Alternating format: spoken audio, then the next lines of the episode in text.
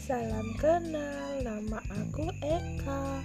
Mungkin terlalu pendek ya, mau gimana? Biar gampang nyebutinnya. Gak bisa ribet orangnya, gak bisa cari topik, temen pun gak banyak.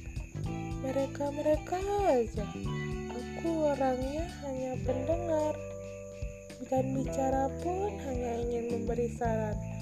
Banyak cerita yang akan aku bawa, banyak pengalaman yang ingin aku pelajari dari makna selama aku berdiri di hadapan kenyataan ini.